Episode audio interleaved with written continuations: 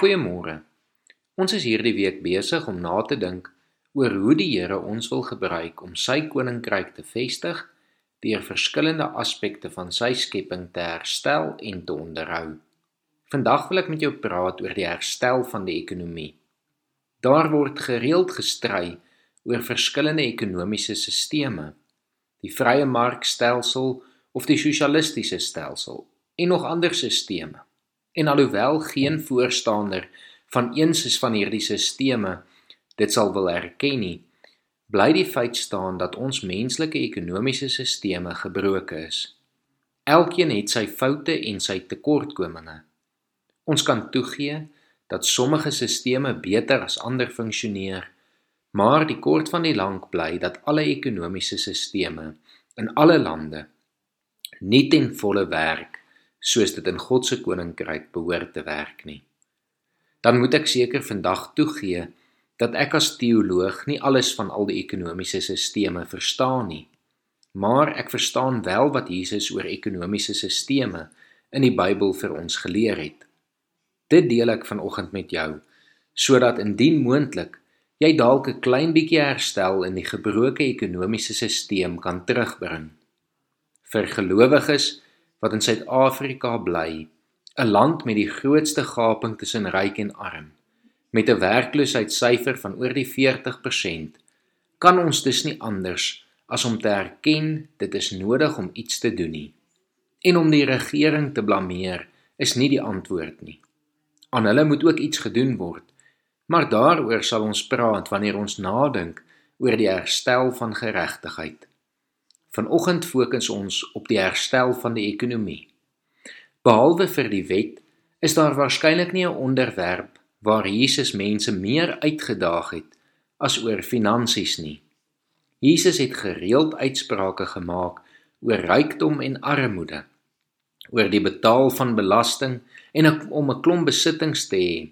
En gereeld het hy mense deur sy uitsprake ontstel veral die wat 'n te groot liefde vir geld gehad het. Dit word deur Jesus se uitsprake duidelik dat die eerste beginsel van God se ekonomie is dat geld of besittings nooit belangriker as God kan word nie. Daarom sê Jesus in die bergrede in Matteus 6 vers 24: Niemand kan vir twee baase werk nie.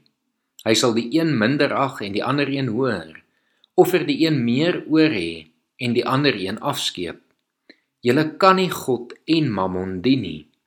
daarmee saam sê Jesus, ons moet eerder vir ons skatte in die hemel bymekaar maak, daar waar mot en roes dit nie kan verniel nie. Daarom wil ek jou vandag vra om jouself te ondersoek en seker te maak jy dien nie dalk die afgod van geld nie. Maak seker finansies is net 'n middel ondergeskik aan God se koninkryk.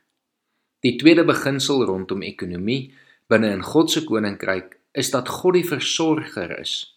Ons lees steeds in die bergrede hoe Jesus sy volgelinge dan beveel dat hulle nie bekommerd moet wees oor wat hulle gaan eet of aantrek nie, want die lewe is belangriker as kos en die klere en elke gelowige het reeds die ewige lewe ontvang. God die Vader weet wat ons nodig het en daarom sal hy vir ons voorsien. Daarom moet ons ons eers vir God se koninkryk beywer. Maar hier is dit ook belangrik om die derde beginsel in God se ekonomie te verstaan. Die beginsel dat almal genoeg het. Ons lees dat die eerste gemeente in Handelinge hierdie beginsel uitgeleef het. Op twee geleenthede lees ons dat hulle hierdie beginsel toegepas het. Die eerste is in Handelinge 2 vers 44 wanneer daar staan al die gelowiges was eensgesind en het alles met mekaar gedeel. En weer in Handelinge 4 vers 32 Niemand het sy goed net vir homself gehou nie, maar hulle het alles met mekaar gedeel. Dit is in mededeelsaamheid dat gebrek uitgewis word. Ons gee want ons het ontvang. In God se huishouding besef ons ons besit eintlik niks En tog, omdat ons God se kinders is, besit ons alles. Ons is as rentmeesters aangestel om dit wat onder ons sorg geplaas is, so goed as moontlik te bestuur. Baie ekonome sal vandag saamstem dat die enigste langtermyn oplossing vir armoede is om dit wat ons produseer te vermeerder. Indien jy dus vandag in 'n posisie is om iemand 'n werksgeleentheid te gee, doen dit. Indien jy ervaring of kennis het wat jy kan deel, lei iemand op sodat hulle vir hulle self kan werk of werk kan kry.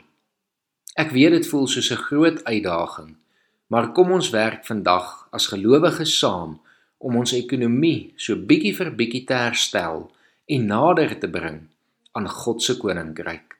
Kom ons bid saam. Here, dankie dat ons weet dat ons alles wat ons ontvang het van U gekry het. Here, maar vanoggend kom bid ons ook vir 'n land wat se ekonomie gebroke is. Here, ons kom bid vir soveel mense wat die afgelope jaar hulle werk verloor het, wat hulle inkomste kwyt is en wat dag na dag bekommerd is, Here. Here ons kom vra dat U ons as gelowiges sal help en sal lei om betrokke te raak by die ekonomie op so 'n wyse dat ons U koninkryks beginsels sal toepas en mense sal help, Here, op so 'n wyse dat hulle weer op hulle voete kan kom. Here, dankie dat ons kan weet ons hoef hierdie nie alleen te doen nie, maar dat U ons daar is vir ons en dat U ons sal lei. Ons bid dit in Jesus Christus se naam alleen. Amen.